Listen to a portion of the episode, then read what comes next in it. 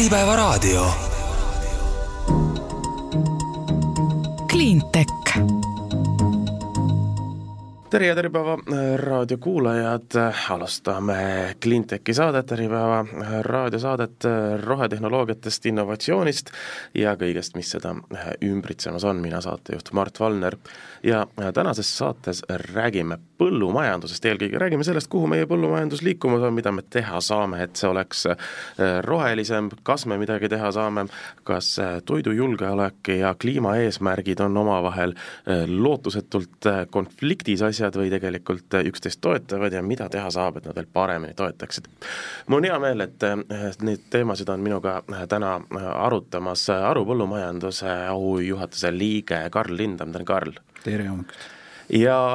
Puutsatalu perenaine, Rohumaa veisekasvataja Liivimaa lihaveisest Airi Külvet, tere Airi! tere! alustame, võib-olla me siin enne saate algust põgusalt Karliga arutasime, et kas seesama, millega, mida ma sisse tõin, kas loodussõbralikkus, kliimaneutraalsus ja toidujulgeolek on omavahel lootusetult konfliktis, kuidas tundub, kas on? ma arvan, et ei ole, pigem loodus,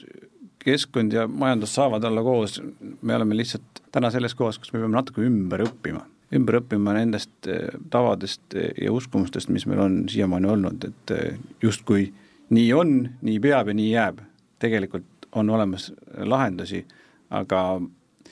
õppeprotsess nõuab aega ja raha, keegi peab selle kinni maksma ja ma arvan, täna sellepärast ei ole seda suuresti tehtud, et kõik kardavad, eriti tootjad, et kui ma teen mingisuguse sammu, siis ma võin noh, sellise ebatraditsioonilise sammu, siis ma võin veel rohkem kaotada, kui ma täna olen harjunud tegema ja see usu küsimus on seal väga suur. et kui seal oleks riigi tugi ja teadusasutuste tugi, noh, siis on seda üleminekut palju lihtsam teha mm. -hmm. oota, mis need, mis need äh, ebapopulaarsed äh, sammud siis on või millest me, millest me üldse räägime? no kui me räägime tavapõllumajandusest näiteks, siis noh, väga selgelt täna haritakse mulda nii-öelda traditsioonilisel moel, kündma peab, sellepärast et noh, nii on tehtud, on ju, siis kultiveeritakse, siis on mingisugused kogused väetised, mida kindlasti justkui peab panema ja siis tuleb taimekaitse, mida justkui peab panema, sellepärast et me oleme seal olukorras, et taimed on haiged, noh, Eesti ilmast tingituna nad vahest jäävadki haigeks, aga tegelikult seda kõike on võimalik eh, natuke teistpidi teha, et eh, sa ei pea kündma, otsekülviga on võimalik eh, oluliselt väiksemate kuludega teha, aga see nõuab investeeringuid, on ju. me peaksime lõpetama sellise põllumajandusajaloo õpetamise ülikoolides, et kündmine on niisugune õige asi ja siis läheb see Eesti hea põllumees, tema läheb, ostab endale Kvernelandi adra, sest et noh, ta teab, et see on hea ader, kuigi meie majapidamises me ei ole juba viisteist aastat peaaegu üldse atra kasutanud, saab ka ilma. Airi ütleb natuke teistmoodi, sest lihaveise või mahekasvatuses on ader suure osaga, aga samas seal ka äh, võiks seda teistpidisesse teha ja nüüd on küsimus, kuidas umbrohtu hävitada ilma mulda pööramata ja ilma keemiata. teoorias on see tehtav, mingid teadustööd ütlevad, et see on ka võimalik, praktikas äh, väga keeruline veel Eestis tõestada või pole veel tõestatud, ütleme nii mm. -hmm, arusaadav. no Airi, kuidas siis on maheveise kasvatamise osas äh, juba nimeliselt öeldes äh, kõlab see, eks ole, see mahe, maheveis tähendab seda, et äh, kui, kui inimesele öelda midagi mahe, siis see on juba sõbralikum, äh, keskkonnasõbralikum, parem ja, ja, ja loodusele tore. mis siis seal teistmoodi on? no maheveisekasvatuses esiteks õnneks atra pole üldse vaja, et on võimalik, kui me ei pea nagu teraviljakultuure mm, rajama, siis, siis, siis saab ka ilma adrata aga tõsi ta see on, et, et kõiges muus osas ma olen nagu mm, hästi nõus. et ajaloo õpetamine, ütleme lühiajaloo õpetamine tuleks koolides ära lõpetada, aga peaks vaatama natuke kaugemasse ajalukku, ehk siis ega see loodussõbralik ja nii-öelda äh, keskkonda säästev toidu tootmine, noh, et maakera on ju ikkagi püsinud nagu miljoneid aastaid ja, ja, ja, ja enne ja noh, viimased seitsekümmend aastat, ütleks nii, on tegelikult olnud see intensiivne tootmine et see, see ajajärk on tegelikult väga-väga lühike olnud. ja, ja see muutus ongi nüüd väga raske tulema, sest et tundub, et, et ja kõik need väited, et noh, jaa, et siis olid ju kõik näljas ja iga iga mitmes laps kannatas näljaga, nälja all, aga no mis see siis nagu tänapäeval nagu teistmoodi tegelikult on, et on piirkonnad, kus on inimesed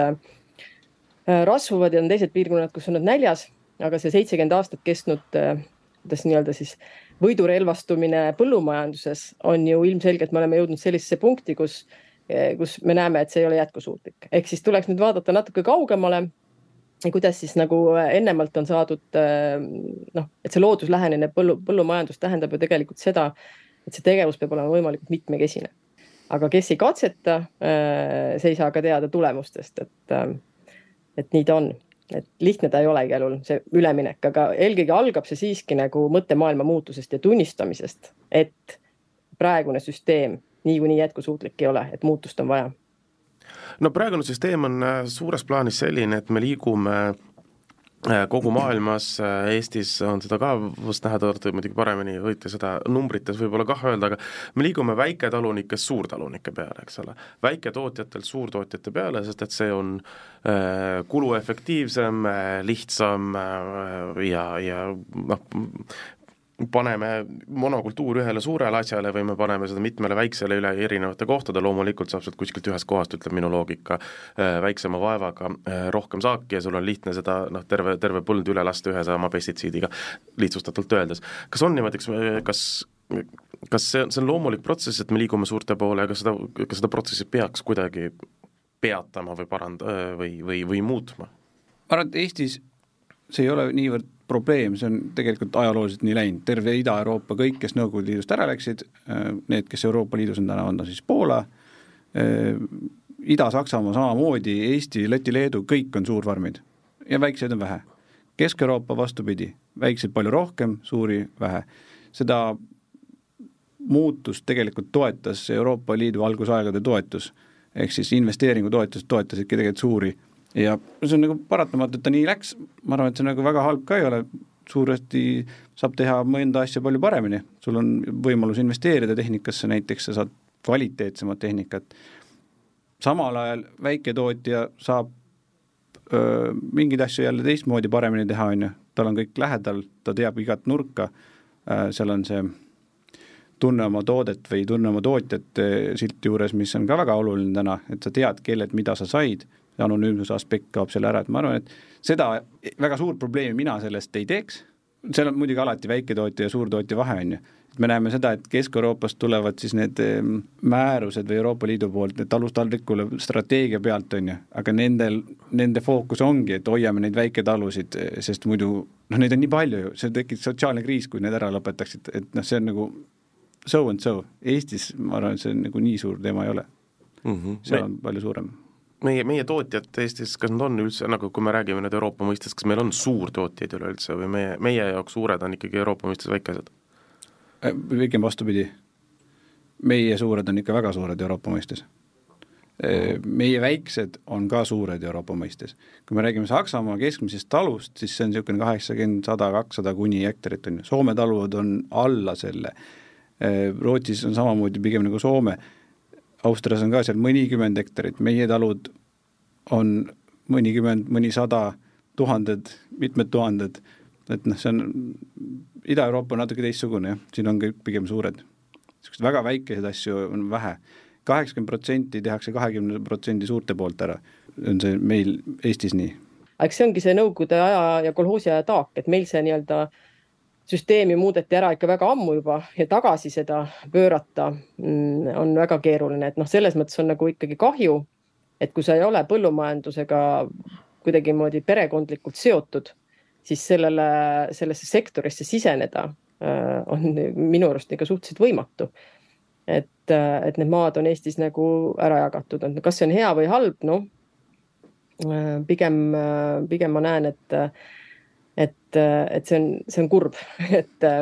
et meil ei saagi tulla nagu tagasi keskmist ja väikest põllumajandustootjat, isegi kui ta väga tahaks, et eriti teraviljakasvatuses. et aianduses ilmselt kahe hektari jagu maad sa ikka leiad ja, ja, ja ravimtaimekasvatus ja muu selline. aga nii lihaveistega kui, kui teraviljaga siis sellist maalahmakat väga-väga keeruline on alustada. aga see on ja paratamatus, see tuleb nagu see ei tule nii-öelda sellest põllumajanduse arengust, vaid see tuleb meie sellest viiekümnest aastast, mis siis oli nagu kolhoosi ajaga kütkes, mis juba lõhkus need väike asumid okei okay,, arusaadav, no aga mõnes mõttes tõesti ma nõustun siin, siin selle osaga, et kui meil on äh, vähe suuri, siis äh, kui tahta midagi muuta, siis äh, pead vähemate inimestega läbi rääkima ja nad nii-öelda kampa saada, et mõnes mõttes on ju lihtsam, lihtsam innovatsiooni ja uusi eesmärke teha. no kui me räägimegi kogu sellest kliimateemast nüüd siia juurde, siis ja nagu me teame, kaks tuhat viiskümmend tahab Eesti olla kliimaneutraalne, see tähendab väga mitmete äh, valdkondade äh, panust sinna, üks olulisemaid on energeetika,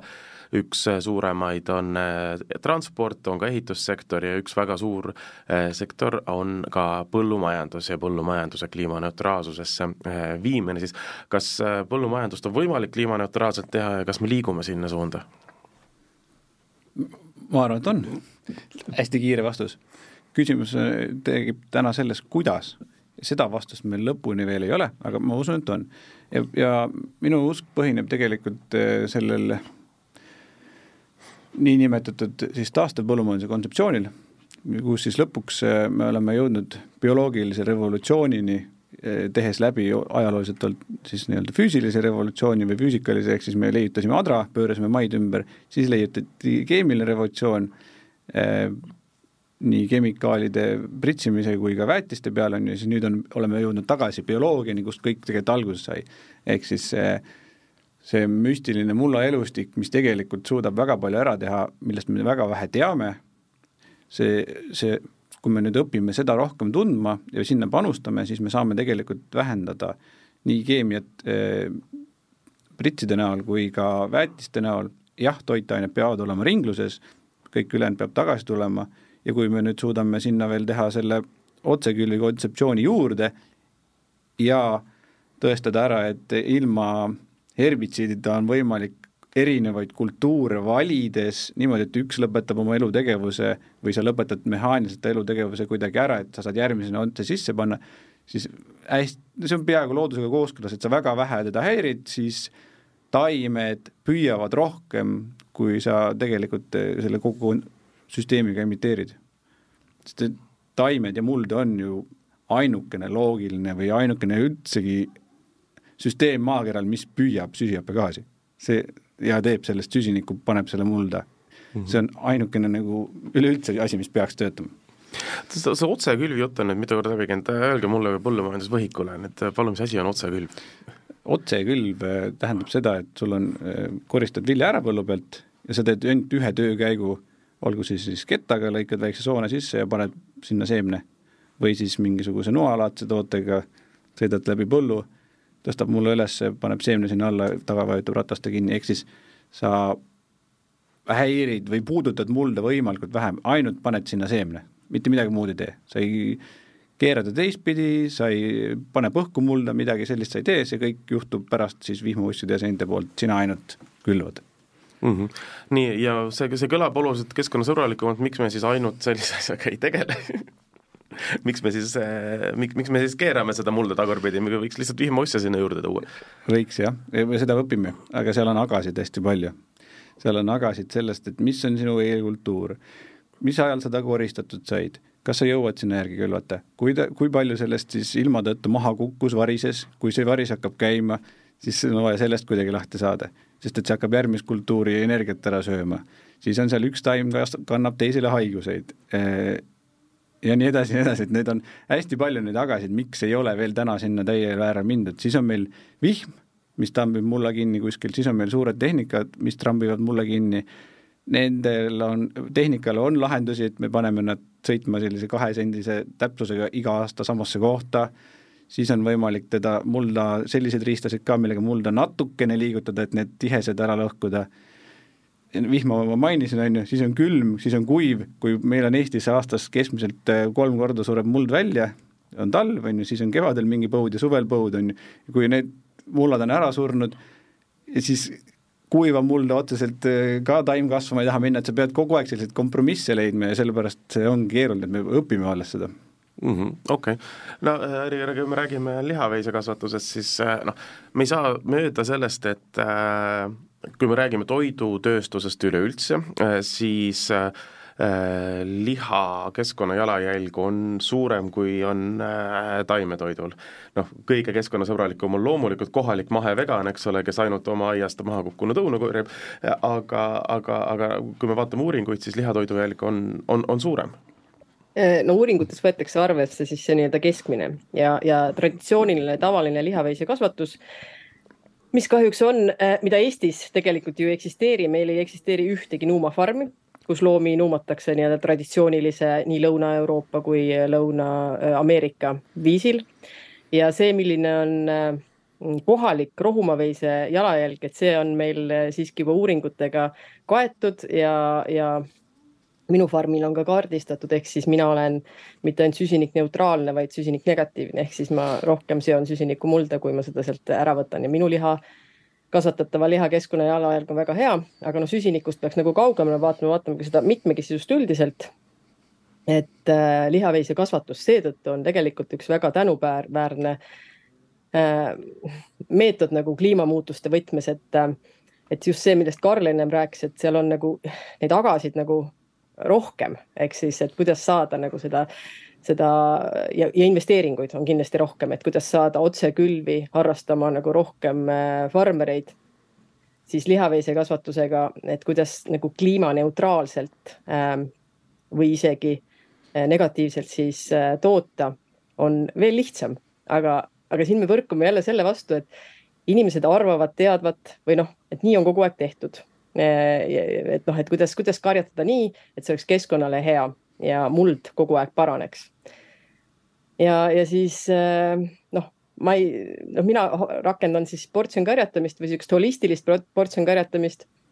mis on ka nagu, on teadustöid olemas, mis näitavad seda ülimat positiivsust, aga sellegipoolest ma tunnen, et ega ma ei ole jõudnud selle kolme aastaga millal ma seda levitanud olen nüüd, et, et nagu massiliselt lihaveisekasvatajad seda harrastaks, et no ikka pigem võib öelda, et kahe käe sõrmedel võib üle lugeda need farmid, kes siis äh, sellist äh, meetodit rakendavad. Ja kui lähed Eestist välja, lähed Iirimaale, mis propageerib ennast kui üliroheline riik, lähed äh, Inglismaale, lähed Prantsusmaale, Portugali, siis avastad õudusega, et, et päris hull on see lihaveisekasvatus seal ja, ja, ja see jutt, et noh, tulekski nagu vähem lihasööja, süüa paraku vastab tõele eh, sellist eh, meetodit vaadates, aga samas noh, peab alati meelde jätma see, et, et see ei ole mitte lehm, vaid see on see pidamisviis, it's, it's not the cow, it is the how, et kuidas seda toodetakse. et eh, ja noh, minu nagu eesmärk ei olegi muud, kui lihtsalt praktilisel viisil näidata, kuidas on võimalik karjatada niimoodi, et sinu liha jalajälg on olematu ja ainult nii-öelda head sellest tuleb ja loota, et siis äh, see järjest rohkematele inimestele nagu korda läheb. ja, ja ta korda ta läheb, sellepärast et äh, praegusel juhul sellist liha küsitakse rohkem, kui me suudame anda äh, nagu müügi mõttes. aga, aga jah, et inimeste harjumuste muutmine on kõige raskem protseduur ja innovatsioonis nähakse alati, noh, inimene tahab, et innovatsioon oleks niisugune LED-tuled ja kiibid ja mingi, mingi masin, mis teeb ära nagu kõike, mingi imeasi, aga tegelikkuses innovatsioon ongi sinu tavapäraste praktikate muutus. Ja, ja see, see ei maksa alati palju, eriti lihaveisekasvatuses aga äh, hinnast rääkides, siis äh, ikkagi mahetoit on kallim kui see mittemahetoit, et kellega me räägime siit ikkagi natukene sellest äh, toidujulgeolekust ja sellest, et maailmas on äh, Euroopas vähem, aga maailmas suures plaanis ikkagi väga palju kohti, kus on äh, toidupuudus, eks ole, siis äh, kas me saame sellise äh, mahekasvatusega ka meie vajadused, mis ju praegu iga aastaga suurenevad, kuna inimeste arv suureneb, kas me saa-, kas me suudame sellise mahekasvatusega üleüldse need vajadused ära katta? ehk siis kas näiteks noh, maheveiste puhul, et kas, kas sinu, sa suudad toota sama palju kui seesama veisefarm, mida ma saan aru, Eestis ei ole päris? Jah, ja selles mõttes, et Eesti kontekstis äh, maheliha ei maksa rohkem kui tavaline liha. et see on ainus liha, mida Eesti lasteaiad saavad rõõmuga soetada, kui nad tahavad äh, mahetoiduga seotud olla. aga mm, noh, ma räägingi, et me ei pea tootma nii palju. et küsimus ongi see, et, et liha, liha peabki vähem tootma ja inimene peabki liha vähem sööma, aga ta peab sööma siis sellist liha, mis on keskkonnasõbralik, et, et seal peab lihtsalt selle Euroopa ja maailma see kliimaneutraalsuse nii-öelda õhinas peab vaatama seda, et siis see laps selle pesuveega välja ei visataks, et et, et aga noh, see on nagu trend selles mõttes praegu ka, et ikkagi jälgitakse seda tootmisviisi, soositakse karjatamist ja nii edasi, et ja püütakse siis tööstuslikest farmidest saada uuesti loomad rohumaale, kuhu nad kuuluvad ka, ka nii-öelda piimafarmides. Eestisse see nagu pole veel üldse jõudnud, et ma pakun välja, et see on niisugune kümne aasta teema. Ehm, kuigi seda nagu eesmärk on, aga seal on alati mitmeid põhjuseid äh, ja juba nagu investeeringuid on tehtud sellised, et meie uuemad piimalaudad on niimoodi ehitatud, need loomad ei olegi võimalik sealt välja käia ja sisse välja käia, et, äh, et ähm, ei, see ei ole küsimus ja see, kus, et kuskil piirkondades on toidupuudus, siis see toidupuudus on ikkagi tege-, teki-, tekkinud ju sellest, et selles piirkonnas pole võimalik toitu toota. ehk siis see maa on seal kõrbestunud erinevate põllumajanduspraktikate tagajärjel, milleks võiks ka olla karjatamine. Ehk siis, et aga see karjatamine oli tehtud valede meetoditega aastate pikku ja nii see juhtus, et, et kõigepealt lõpetades ära sellise toidu ümber maailma sõidutamine et noh, ongi jabur ju, et me praegu seni äh, sööme virsikut, mis on kasvatatud Portugalis ja pakendatud Hiinas, eks noh, et, äh, et seal on nii palju muid tegureid äh,, rääkimaks sellest, kas meil on toitu puudu või üle, et tegelikult see toidu tootmine peaks viima nagu inimesele lähemale.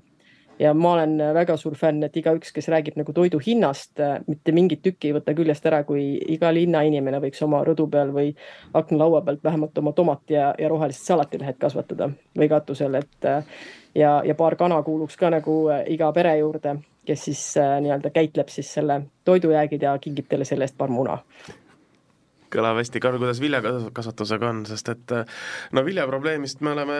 rääkinud rohkem kui lihaprobleemist suures avalikus ruumis ikkagi, suuresti on see tulnud tänu noh, ütleme siis tänu Ukraina sõjale, eks ole, teemaks, sest et lihtsalt kui viljavedu Ukraina sadamatest katkes, tulid äkitselt pealkirjad, et näete, Aafrika jääb nälga. et kuidas meil selle, kas maheviljaga saab ära, ära katta maailma vajadusi? ma, ma ütleks, et see probleem ei, ma ei, ma ei tõmbaks siin paralleeli või lihtsalt maheda peale. et mahe pole minu arust eesmärk omaette, eesmärk on teha võimalikult puhast ja tervislikku toitu. nüüd on küsimus, kuidas seda teha ja kus seda teha. et see Aafrika peale eh, paralleel tõmmata, siis ma olen Airiga täiesti nõus, et tegelikult nüüd küsimus, miks nad seal ei saa toitu kasvatada, mida nad oma mullaga valesti teinud on ja on palju näiteid, et mullad on võimalik uuesti üles elu, elustada ja nad saavad tegelikult seal ka seda kasvatada. kui ma ütlesin, et Eesti põllumees on nii-öelda stagnatiseerunud, et meil oleks vaja uusi praktikaid, siis maailma mõistes me oleme ikka päris heas kohas. et noh, palju-palju hullemaid kohti on, kus see noh, sa võidki jääda, rääkida aastakümneid ja keegi ei saa ikka aru, millest sa räägid, on ju. aga, aga see on võimalik seal teha. toidust rääkides, siis ma arvan, et siin on see on selline, ühtepidi on see hästi poliitiline teema, et pole ükski inimene veel selle Ukraina sõja pärast nälga jäänud, noh, seal väljaspool Ukrainat, ma arvan, et see toit ikkagi levib ümber maailma, siis see võetakse lihtsalt järgmisest riigist ja ja lõpuks ta ikkagi ringi ja tagasi jõuab, et see on selline väga laevatatav kaup. Äh, toidu puhul on, teine teema on see, et kas kõik põllumaad teenivad täna seda eesmärki, et seal kasvatatakse toitu? ei teeni Ameerikas oli, ma just enne vaatasin, kas oli kolmkümmend neli miljonit aakrit maisi läheb etanooliks. kas see on asi, mida peab tegema? sest et see läheb justkui mingiks biolisandiks või, või milleks isa, iganes, on ju, tegelikult toidu jaoks maad on. kolmas asi on see, et millist toitu me kasvatame, kas me kasvatame puhtalt kaloreid või me kasvatame toitaineid. et kui me kasvatame toitaineid ja teeme nendest võimalikult väärtuslikud taimed, siis tegelikult inimesel on vaja vähem süüa, täna ta lihtsalt, kui keha tunneb, et ta ei saa kõiki aineid kätte, siis ta nõuab kogu aeg juurde, juurde, juurde, on ju. ja sa söödki lihtsalt tuimasid kaloreid sisse. et noh, see on nagu, see on muidugi inimkonna üleüldisem suurem probleem, mida on vaja siis õpetada, et mida siis süüa ja kuidas süüa ja tegelikult on võimalik oluliselt vähemaga hakkama saama. ja, ja see Airi mõte samamoodi, et tegelikult igaüks saab kodus kasvatada, aga miks ta ei kasvata, sest et see on natukene nõuab äh, lisatööd ja ajude ragistamist, aga noh, kui nälg on, siis hakkavad kõik liigutama, järelikult ei ole veel nälga. et äh, ja, ja, ja nii ongi, täna on need viimased üks kuni kaks protsenti maailmas, kes kasvatavad teistele toitu, seal on muidugi äh, konkurentsi aspekt on olnud, miks on siis nii läinud, et ainult suured justkui maailmas saavad seda teha, aga see on natukene juba teine teema, et või noh, kas ta on teine teema, et seal on tegelikult kogu lugu hakkab sisenditest pihta, et põllumees pole kunagi palju raha saanud, kõik, mis ta ära müüb, siis see, see võetakse talt teiselt poolt ära, et ta on niisugune vahepealne, see on ainukene sektor maailmas, kus sa ei reguleeri enda hinda. sa ostad sisendid turuhinnaga ja sa müüd alati turuhinnaga. sul ei ole võimalik kuidagimoodi seda paremaks teha, ainuke, mis sa teha said, oli efektiivsust tõsta, et siis natukenegi endale jätta. ja nii kui sa seda efektiivsust tõstad, noh Eesti näitel seda võib-olla pole nii, aga Ameerika näitel on hästi näha, siis kohe tõstetakse sisendi hindasid. aga vilja hind pole tõusnud, vilja hind on sama olnud juba noh, viimati ta vist oli kümme aastat tagasi muutus ja ennem seda oli vist mingisugune seitsmekümnendatel, et ta on kogu aeg sama olnud, et kõik võetakse käest ära, et see, see on see selle tinginud. kuna meil on ikkagi hästi tugevalt niisugune noh, cleantechi, rohetehnoloogia, innovatsioonisaade, siis mul on no, võib-olla hoopis natuke teistsugune küsimus teile praegu, kes te mõlemad põllumajandussektoris töötate, et kui me nüüd vaatame seda seda innovatsiooni või neid uusi asju, mida oleks vaja, et kümne-viieteist eh, aastaga efektiivsus jääks samaks, aga keskkonnajalajälg lähen-, väheneks, kui see on näiteks eesmärk, siis mis võiks olla see järgmine suur innovatsioon põllumajandussektoris, ma ei tea, kas veisekasvatuses, viljakasvatuses, mida, kus suunas võiks meie rohetehnoloogia startup'id praegu mõelda, sest et me just äkki enne saadet arutasime, et ega põllumajandusteemal Äh, selliseid iduettevõtteid, kuigi iduettevõte sobiks sinna väga hästi just, on, on äärmiselt vähe, kui on, siis on pigem seotud sellega, et äh, just äh, ma, konkreetselt maakasutuse ja maakasutuse alternatiivide eest raha maksmisega, eks ole et või, või kuidas, mis võiks olla järgmine innovatsiooni koht? et põllumajanduses innovatsiooni, ma olin seotud lihtsalt kolm aastat ühe üle-euroopalise projektiga, kus otsiti innovatsiooni põllumajanduses ja, ja, ja toodi nagu häid näiteid, siis ähm, farmisiseselt on põllumajanduses innovatsiooni väga palju, aga need ongi selles mõttes, et kui sa nagu nagu tegelikult nagu keskkonna jätkusuutlikkuse otsa vaatad, siis need on kõik, need innovatsioonid on loodud selleks, et parandada loomade heaolu tingimustes, mis ei ole nende loomulik keskkond. ehk on erinevad nutiseadmed, mis siis tuvastavad kohe, kui loom on natuke rohkem stressis, mõõdavad tema hingamissagedust äh, südamerütmi äh,, alavererõhku äh, ja aga noh, igasugused tuled ja viled, äh, automaatne tuvastus, äh, mis jookseb kohe arvutisse loomaomanikule. Aga see on nii, noh, see ongi selles mõttes nii kummaline, et see on kõik tehtud selleks ja kõik see juhtub üldse, on vajalik selleks, et loom on võetud tema loomulikust keskkonnast ära. ehk siis mida lihaveisekasvatuses innovatsiooniks Äh, tuleks nimetada, ongi see, et, et jälle seesama õppimine lihtsalt, et seal ei olegi midagi muud, vaid needsamad praktikad ja vaadata seda looduse rütmi, et äh, kuidas sa saad nagu äh, näiteks Eesti tingimustes pikendada karjatamisperioodi ühe kuu võrra. selle võrra sa pead vähem kasutama fossiilseid kütuseid, kilet, muid plastikuid, toppima seda silorulli ümber ja, ja talvel siis loomi kuskil söötma et nii lihtsad need ongi, et innovatsioon ei pea olema äh, mingisugune tehniline vidin, vaid, äh, vaid siis lihtsalt nagu farmeri praktika muutus. aga mis oleks nagu iduettevõttele nagu mõte on see, et alati on küsimus, aga kuidas sa hindad seda tulemust? Et me räägime kõik, et karjatamine nii või naapidi teeb mulla paremaks. aga siiamaani ju tegelikult kasvõi süsiniku, mis, millest ma ei tahaks nagu rääkida, eks ole, kuna süsinik on nagu nii ühekülgne äh, lähenemisviis sellele kestlikule toidutootmisele. aga et, et noh, just nimelt hinnata selle maa kvaliteeti, äh, äh, siis sellesama, kas siis mulla äh, mikroorganismide suurenemise, siis seente bakterite omavahelise vahekorra paranemisega. et see oleks nagu üks tore innovatsioon, kes, mis võiks ette võtta ja selle alusel võiks tegelikult kogu toetussüsteem toimida et kui farmerid, kes äh, kogu aeg parandavad oma maad, äh, siis peaksid selle eest saama toetust. praegu ei, noh, praegu on, praegu, praegune toetussüsteem ei soosi nagu üldse kohe mitte keskkonnasõbralikku majandamist, ühesõnaga ta ei võta seda nagu selles mõttes arvesse, et tegelikkuses ei mõõdeta seda, et kas need praktikad, mille eest farmer saab toetust, kas see parandab seda mulda, ei paranda Eh, ja, ja, ja see innovatsioon, noh, ühesõnaga, et ma, ma loodan või tegelikult ma arvan, et kuskilt otsast sellega juba tegeletakse, aga see võiks olla nagu lihtsalt kättesaadav. et igaüks peaks ise hindama seda, eh, et eh, mis ta selle mullaga siis on nagu teinud. ja ka lihaveisekasvatuses tegelikult mullast kõik algab, et kui on muld terve, siis on see taim terve ja mitmekesine ja siis on see loom terve ja siis on see liha, millel me selle tarbijale toodame, ongi seesama nii-öelda toitaine tiheduselt parim viis või parim materjal, mida süüa et, et, et need uuringud on ka olemas, aga lihtsalt sealt see ei ole nagu kuskile jõudnud, kuna tavapärane praktika siiski on see, et loomi hoitakse betooni peal laudas, äh, söödetakse neile äh, siis äh, fossiilse kütusega toodetud söötasid. Et loomal on neli jalga, et ta võiks olla nagu oma sööda juures ja see sõnnik, mis tema seest tuleb, peaks minema otse sinna maa peale. praegu see tavapärases tootmispraktikas niimoodi ei ole ja seetõttu tõenäoliselt ei ole ka huvi väga äh, välja töötada innovatsioone, mis näitaksid, et kuidas seda mulda saab nagu loomadega otseselt parandada. see on huvitav, sest ma, see kõlab täpselt nagu tegelikult väga paljud, väga paljude sektorite probleemid on hästi äh, suures plaanis sarnased, et äh, täpselt nagu äh, energia tootmise keskkonnasõbralikkuse innovatsioon on, eks ole, see, et teeme paremaid filtreid korstna otsa, selle asemel, et mõelda, et mida me saaksime põlevkivi asemel, kust mujalt saaks elektrit põlevkivi asemel, noh, mõni aasta tagasi oli, nüüd me oleme alternatiivideni oluliselt kiiremini jõudnud, siin on samamoodi, ma saan aru, et nagu lahendame mingit probleemi selle asemel, et juurpõhjus hoopis viiks kuhugi mujale, eks ole. Karl, kuidas äh, viljakasvatuses on? viljakasvatuses on äh, suuresti sama, kõik hakkab mullast, kõik lõpeb mullas. see kõlab loogiliselt et äh, ma arvan, et üks suur või seal on nagu kaks aspekti minu jaoks. esiteks see, see mikrobioloogia, mis on nii-öelda kõige alus,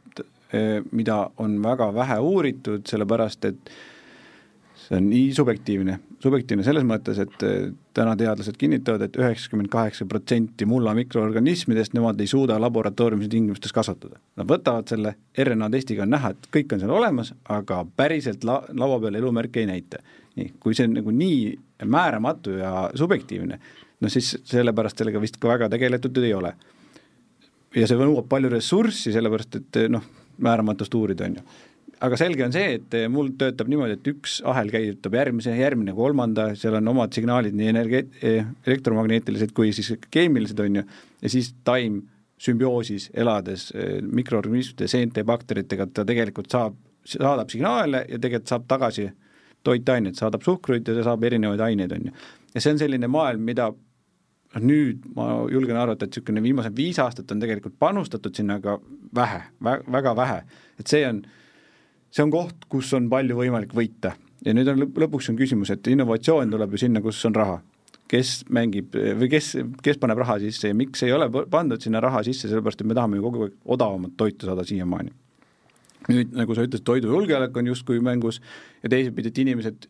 vähemalt mingi osa inimestest arvab, et nad tahaks ka tervislikult toituda. kõik muidugi tahavad, aga paljud selle eest nõus maksma on, on ju. Äh, mina näen, et seal on tegelikult äh, ja noh, ja nüüd panna kõrvale sinna CO2 ja see ESG aspekt, siis seal oleks võimalik ehitada sellised süsteemid üles, et eh, see, kus kohas on raha ja kes tahab näidata, et nende raha läheb õigesse kohta, siis et panna sinna mulla äh, mulla uurimistesse ja sellisesse tehnoloogiasse, et põllumehed võtaksid need praktikad kasutusele, et nende mulla süsinikusisaldus hakkaks kasvama, sest see on tegelikult kõikide huvides, aga täna lihtsalt ei ole äh, motivatsiooni ja pole seda, seda ra-, käivitusraha, on ju. aga see on võimalik tegelikult ümber pöörata ja ma arvan, et see on niisugune win-win, win-süsteem, nagu inimesed võidavad, saavad tervislikuma toidu, muld võidab, põllumees saab sellest, tegelikult kulud vähenevad, kõige suurem kulu tavapõllumajandusel on väetise taimekaitse, no hea meelega ei ostaks üldse, aga taimed ilma toiduta ei kasva. Kust tulevad toit, kust tulevad toitained, on ju. ja, ja tegelikult siis see ülejäänud ühiskond saaks ka panustada tagasi ja lõpuks me püüame CO2 õhust kinni ka, et eh, see on see koht, kus tuleks panustada see nii, aga, aga jõuame selle, kes see panustama hakkab äh, teemani, sest et äh, ma ka tahtsin, tahtsin natuke jõuda, Airi siin enne rääkis, et äh, toetused makstakse valedel alustel, päris saate alguses, Karl, sa rääkisid sellest, et võiks ju muudatusi teha, aga keegi ei julge alustada sellega, sest et see kõik maksab, eks ole, ja et riigi tuge oleks, oleks oluliselt rohkem sellise asja puhul, puhul vaja. kes see siis seda innovatsiooni tegema peaks või kuidas, või kus, kus see riigi abi siin võiks mängu tulla? kus hakkab kõik pihta, ma arvan, et kõik hakkab pihta meie nelja-aastasest valimistsüklist, et kõik teevad lühikest plaani. pikka plaani ei tehta. et kui me tahaksime pikka plaani teha, et meil ka tervishoiukulud tuleksid alla, noh, ja, ja, ja muud asjad, siis tasuks ju panustada kõigepealt, et sa saad tervislikult toituda ja palju liikuda, on ju. aga see hakkab, me tegeleme ainult tükkidega, et noh, seda suurt plaani pole, see on, ma arvan, number üks asi. ma ei paneks nagu niimoodi väga konkreetselt, et riik teeb valesti. me oleme väga paljude ametnikega kohtunud äh, ja kõik tahavad, kõik tahavad tegelikult head asja saada. Äh, me oleme võtnud sel, et meil on Euroopa Liidust tulevad mingisugused rahad ja siis neil on, see raha on vaja ära jaotada keskmiselt mingisuguste põllumeeste peale, et eks neil on ka seda reeglistikku suht raske teha, aga see on tõesti läinud siiamaani niimoodi, et kõik toetused, mis põllumees saab, pindalatoetused, need on avalikud, rendimaid on enamuses Eesti põllumeestel või vähemalt pool, see võetakse kõik lihtsalt ära, rendirahad on suht üks-ühele kirjutatud äh, toetustega. Et see, see, see ei jõua põllumeheni, see on võib-olla kõige suurem koht mm. -hmm. ja kui sa saad vaeva hakkama, siis on raske nagu kuskil innovatsioonirahastust veel tegema hakata, eks ole? täpselt ja no mis siis teha, mida, mis teeme, teeme ise ja siis me teeme ise näiteks sellise asja, et me teeme kahekümne neljandal, viiendal jaanuaril suure konverentsi taastava põllumajanduse peale, Northern Roots. ja, ja kutsusime üle maailma kõige paremad tarkused siia, võtsime kohe alguses punti nii ministeeriumid kui koja, kui taluliidu, eh, nii põllumajandus kui ka eh, maa, nüüd on ta siis mis ministeerium, Regionaal- ja Põllumajandus mm -hmm. ja Kliimaministeeriumid. ja mõte selles, et eh, toome siis seda huvi alt ülesse ja teeme kõik koos, et see suund oleks nii-öelda õige ja me jõuaksime kiiremini ühte, ühte kohta. Ja, ja läbi selle siis, läbi selle siis äkki need toetused ja ka erasektori raha jõuab siis õigesse kohta sinna panustamisse. seal on lihtsalt see taastav põllumajandusel on niisugune huvitav koht, et äh, Ameerikas tehti üks uuring, et äh, maikuus avaldati, kus, kui sa lähed selle taastava põllumajanduse peale üle, siis esimesed kolm kuni viis aastat sinu käive kukub, aga kulutused suurenevad, ehk siis sa teenid vähem, aga sa pead ostma uut tehnikat ja asju, siis sa jõuad sinna ülemineku kohta, kus sul käive hakkab taas tõusma, aga kulud jäävad alla. Aga see üleminekuperiood on niisugune kolm kuni viis aastat, mis on vaja üle elada. Ja täna ei ole keegi võim-, võimeline seda enda raha eest seda riski võtma. oh jah, et, et ma tean, et see noh, jälle see riik, eks, et ega riik olemegi me ise, me oleme, ma olen nagu lihaveisekasvatajate esindajana istunud nendes komisjonides ja töögruppides, kus me siis oleme arutanud ähm, ka selle toetussüsteemi üle ja ja, ja no eks ta ikka takerdubki sinna taha, et no tegelikult ta takerdub natuke selle taha, et meil on ikka väga palju ähm, põllumajandustootjaid, kes ei usu ähm,, ei usu tegelikult, et üldse mingi probleem on siin mullaga toimumas ja nii edasi. ja, ja selle, selle seltskonnaga peab ka arvestama, ehk siis seda aega peab olema, et ähm,, et, et see üldine teadmine nagu paraneks aga samas noh, seesama, millest Karl rääkis, et mul on nagu ülimalt hea meel, et, et ma näen, et see, et, et noh, et seda, seda valgust nagu seal tunneli lõpus paistab ja, ja sellest ma sain ka ise aru, et ministeeriumid ise on nagu ülimalt rõõmsad, et, et farmerid on kasvõi see meie konverents, mis tulemas on. et on oma algatusel seda me teeme ja seda tuge nagu antakse et, et noh, nii ta nagu peabki minema, et sellel konverentsil tulevad, tuleb rääkima meile ka, ka lihaveisekasvataja ja piimaveisekasvataja, et kuidas saaks teha, et siis me loodamegi, et ehk siis see kuulajaskond on, on, on Eesti poolt esindatud ja, ja, ja üldiselt ma olen tähele pannud, et, et kui seesama jutt, mida mina räägin kohalikele lihaveisekasvatajatele, siis kui seda tuleb keegi väljaspoolt rääkima, siis see tundub nagu isegi õigem, eks, ehk siis, et, et, et, ähm, et no niimoodi seda lihtsalt see paraku see muutus toimubki nagu sihukeste pisikeste sammude kaupa. ja see üleminekuperiood teraviljakasvatuses ongi väga raske, sellepärast et ma pean ka väikest viisi põldu ja noh, see tundubki nagu kõige õudsam, et, et ma tahan nagu midagi teha, ma tahan katsetada, aga ma ei saa, sellepärast et mul ei ole neid äh, seadmeid mitte kuskilt võtta, et neid, neid huvilisi, kes otsekülviga tegelevad, on Eestis ikkagi niivõrd vähe. Äh, ja päris sellise otsekülviga, mis sobiks mahepõllumajandusse ehk siis kõik need äh, muud asjad seal juurde. tuleb välja, et neid nagu ei olegi üldse, et ma võin oma ideedega nagu lihtsalt istuda omas mullis ja mõelda, et kuidas saab ja, ja, ja noh, lihtsalt peab olema kannatlik, et ja ajama oma asja ja noh, ainus positiivne suund ongi see, et noh, et eks see meie noh, ja, ja see on nagu tõsine probleem on tõesti, et meil on nagu see pika plaani puudus, et äh, ma ei tea, kuidas seda nagu korraldada, et kui äh, et lisaks sellele, et valimised käivad iga nelja aasta tagant, siis iga viie, viieks aastaks tehakse siis nii-öelda toetusperioodi meetmed valmis. ja nii-öelda üks, üks periood on nii-öelda läinud et sinna ei ole nagu midagi teha enam, et nüüd me hakkame tegelema siis aastast, mis asja, kaks tuhat kakskümmend kaheksa, kakskümmend üheksa äh, toimuva perioodiga, et, et siis äh, noh, selleks ajaks ongi vaja siis seda seda, seda toetussüsteemi saada selliseks, mis, mis päriselt nagu siis äh, suunaks neid äh, erineva tüüpi farmereid siis selle taastava põllumajanduse poole, nii karjatamispraktikate kui ka siis teravilja tootmise poole mm. -hmm. no aga kui me nüüd va vaatame äh, siin lõpuosas sellele taastavale põllumajandusele ja plaanidele ja kõigele muule otsa ikkagi, siis ma, ma natuke liiguks selle esialgse küsimuse juurde, küsiks nüüd kolmveerand tundi hiljem uuesti, et kas need praktikad ja see potentsiaalne toetus ja innovatsioon ja nii edasi, kas see kõik on piisav, et me saaksime öelda, et aastal kaks tuhat viiskümmend kliimaneutraalses Eestis meil on Äh, põllumajandus, mis on süsinikku siduv, kuigi ma nõustun Airiga siin selles, et kogu selles diskussioonis ei tohiks jääda sinna süsinikutunnel vaatesse kinni ja see ei ole äh, primaarne prioriteet, aga see on üks asi, mida on üpris lihtne mõõta võrreldes sellega, kas äh, keskkond üleüldiselt on nüüd paremas seisus või mitte. ehk siis, kas meil on kas me liigume õiges suunas ja kas me oleme, toidujulgeolek on tagatud ja keskkonnasõbralikkus ja kliimaneutraalsus, kui mitte kliimapositiivsus Eesti põllumajandus kaks tuhat viiskümmend, väga lihtne küsimus. kas saab? jah, saab. kas me liigume ka? kas me liigume, täna juba liigume. täna juba liigume, eelmisel aastal hakkasime liikuma, üle-eelmine aasta veel ei liikunud. Nüüd on küsimus, ma ainult küsiks selle küsimuse võib-olla üldse niimoodi, et kas meil on üldse probleem või, ja kellel on probleem? et see on nagu selline asi, mis võib-olla jäi alguses küsimata, et et kui me vaatame justkui kliima ja heitenumbreid, siis meil on probleem, on ju. kui sa lähed põllumehe juurde, nagu Airi ütles, enamus ei saa aru, et üldse mingi probleem oleks, aga probleem tekib tal siis, kui tal ei tule enam kassasse raha, on ju. et see on, see on esimene indikaator.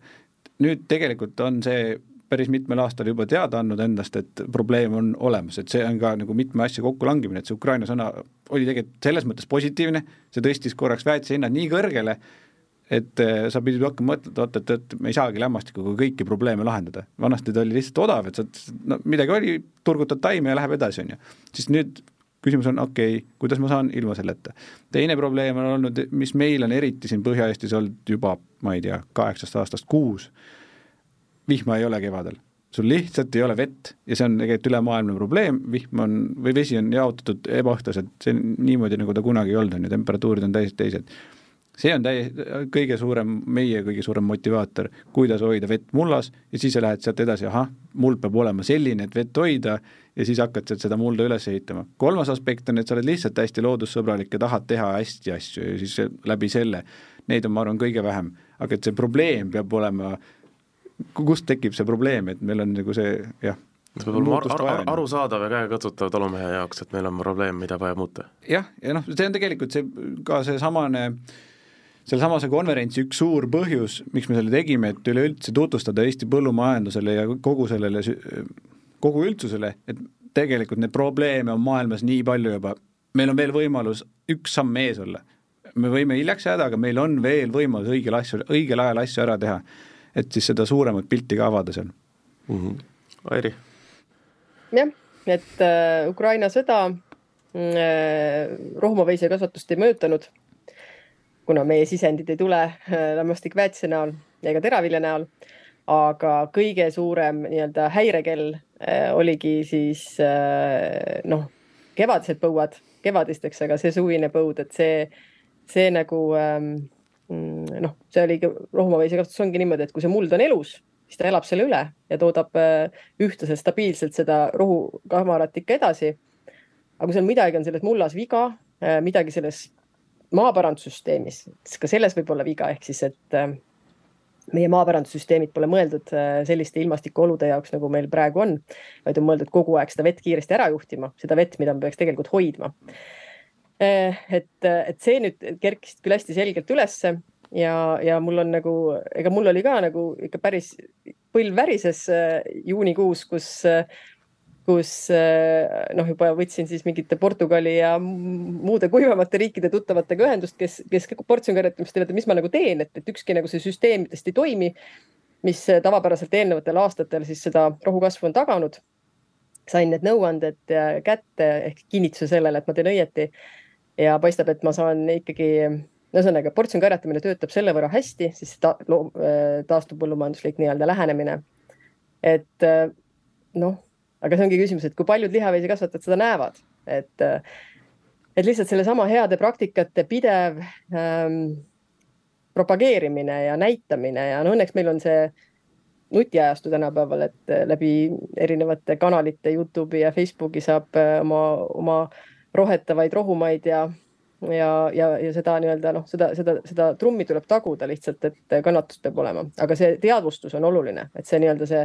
käik, see plõks, et, sa avastad, et, et see ei ole enesestmõistetav, et rohi kasvab ja vihma sajab. ja, ja toit kuskilt tuleb ja kuskilt tuleb ikkagi miskit, et kui sul nagu vett ei ole, siis, siis, siis ega siin see taimekaitse, väetis, mitte miski ei aita, et noh, et, et see ongi küsimus ka, ka veisekasvatuses on, ka rohumaa veisekasvatuses on küsimus, et kuidas eh, teha need rohumad selliseks, et, et nad hoiaksid seda vett ja et seal on elu nii palju, et see, see ka kuu aega või poolteist kuud ilma veeta olemist neid ära ei tapa. Mm. -hmm ma tahtsin öelda selle küsimusele uuesti ühe korra veel vastuseks, jah, saab. Ja see põhjus on selles, et Eesti on nii väike, Eesti on nii väike, kõik teavad kõiki ja ma pigem arvan, et me saame olla number üks riik selles maailmas, kes suudab selle ära näidata, sest meil on lihtsalt nii hea positsioon siin selles kliimaregioonis et ja see väiksus inimeste ja, ja see lähedus poliitika tasandi ja tootja vahel, et me suudame selle ülemineku hästi kiiresti ära teha. see on alati hea, on sellise positiivse mõttega lõpetada. Airi Karl, aitäh täna tulemast, rääkimast! aitäh! aitäh!